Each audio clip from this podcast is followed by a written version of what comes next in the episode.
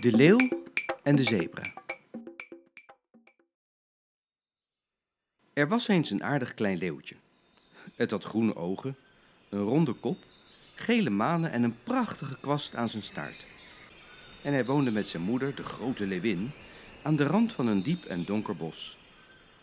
Moeder leeuwin ging er iedere dag op uit om eten te halen en dan bleef het jonge leeuwtje alleen achter bij het nest. Hij speelde een beetje met wat takjes en wat zonnestralen, maar omdat hij verder niets had waarmee hij spelen kon, verveelde hij zich soms verschrikkelijk. Er was niets te doen. Dan stond hij aan de rand van het bos uit te kijken of moeder nog niet terugkwam van de jacht. Maar het duurde soms uren en uren voordat hij haar aan zag komen. Dan sleepte ze in haar bek een dier mee dat ze gevangen had om die avond of de volgende morgen op te eten. Op een dag bracht moeder Lewin een zeebraadje mee. Een klein diertje met een roze neusje en met hele spitse oortjes.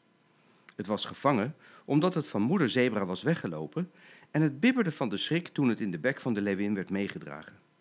Hier, jongen, zei moeder leeuwin, toen ze het zeebraadje voor de kleine leeuw neerlegde. Hier heb je wat te eten. Het is maar een klein diertje en het is niet genoeg voor ons samen. Daarom ga ik terug om wat voor mezelf te zoeken.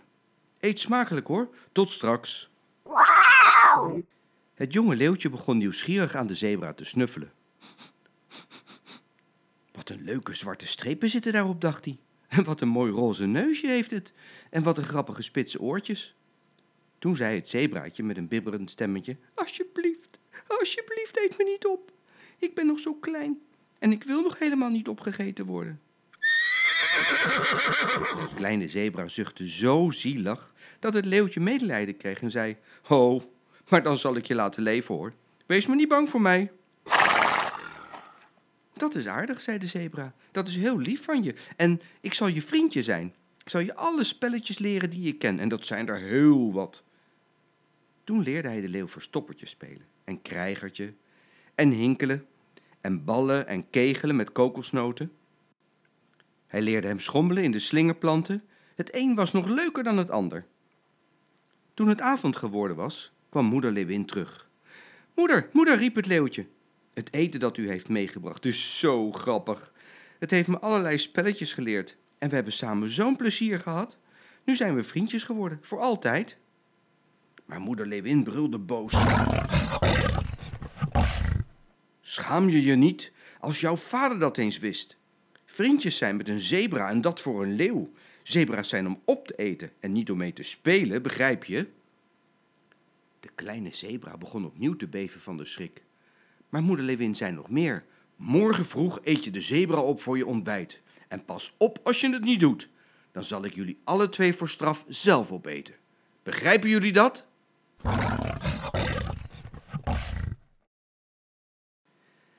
Het zebraatje had van schrik een heel wit neusje gekregen.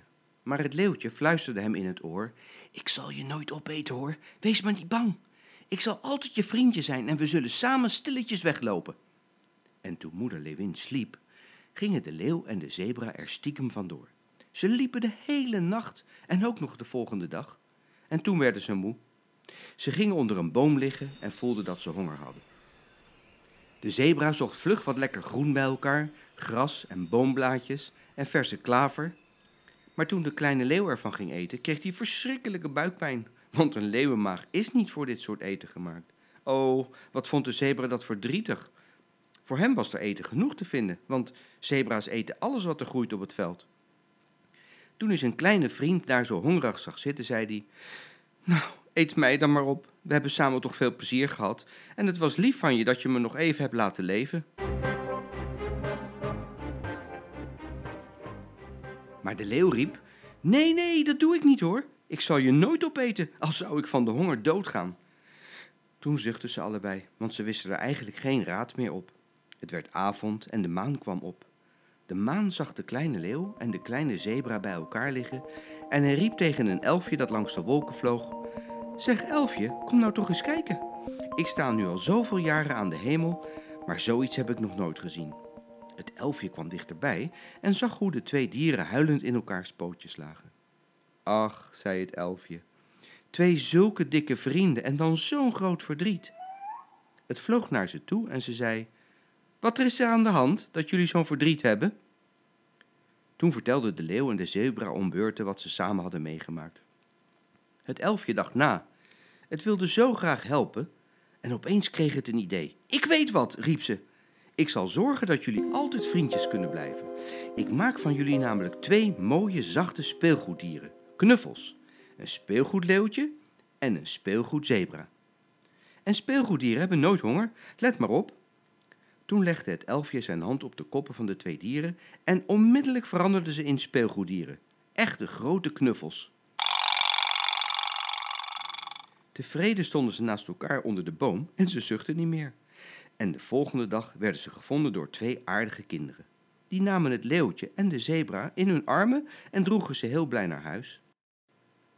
Hoe komen zulke mooie speelgoeddiertjes toch zomaar buiten onder een boom? dachten ze nog heel vaak. Maar dat wist alleen het kleine elfje dat s'avonds langs de wolken vloog. Het elfje dat gezorgd had dat het leeuwtje en de zebra voor altijd samen konden zijn.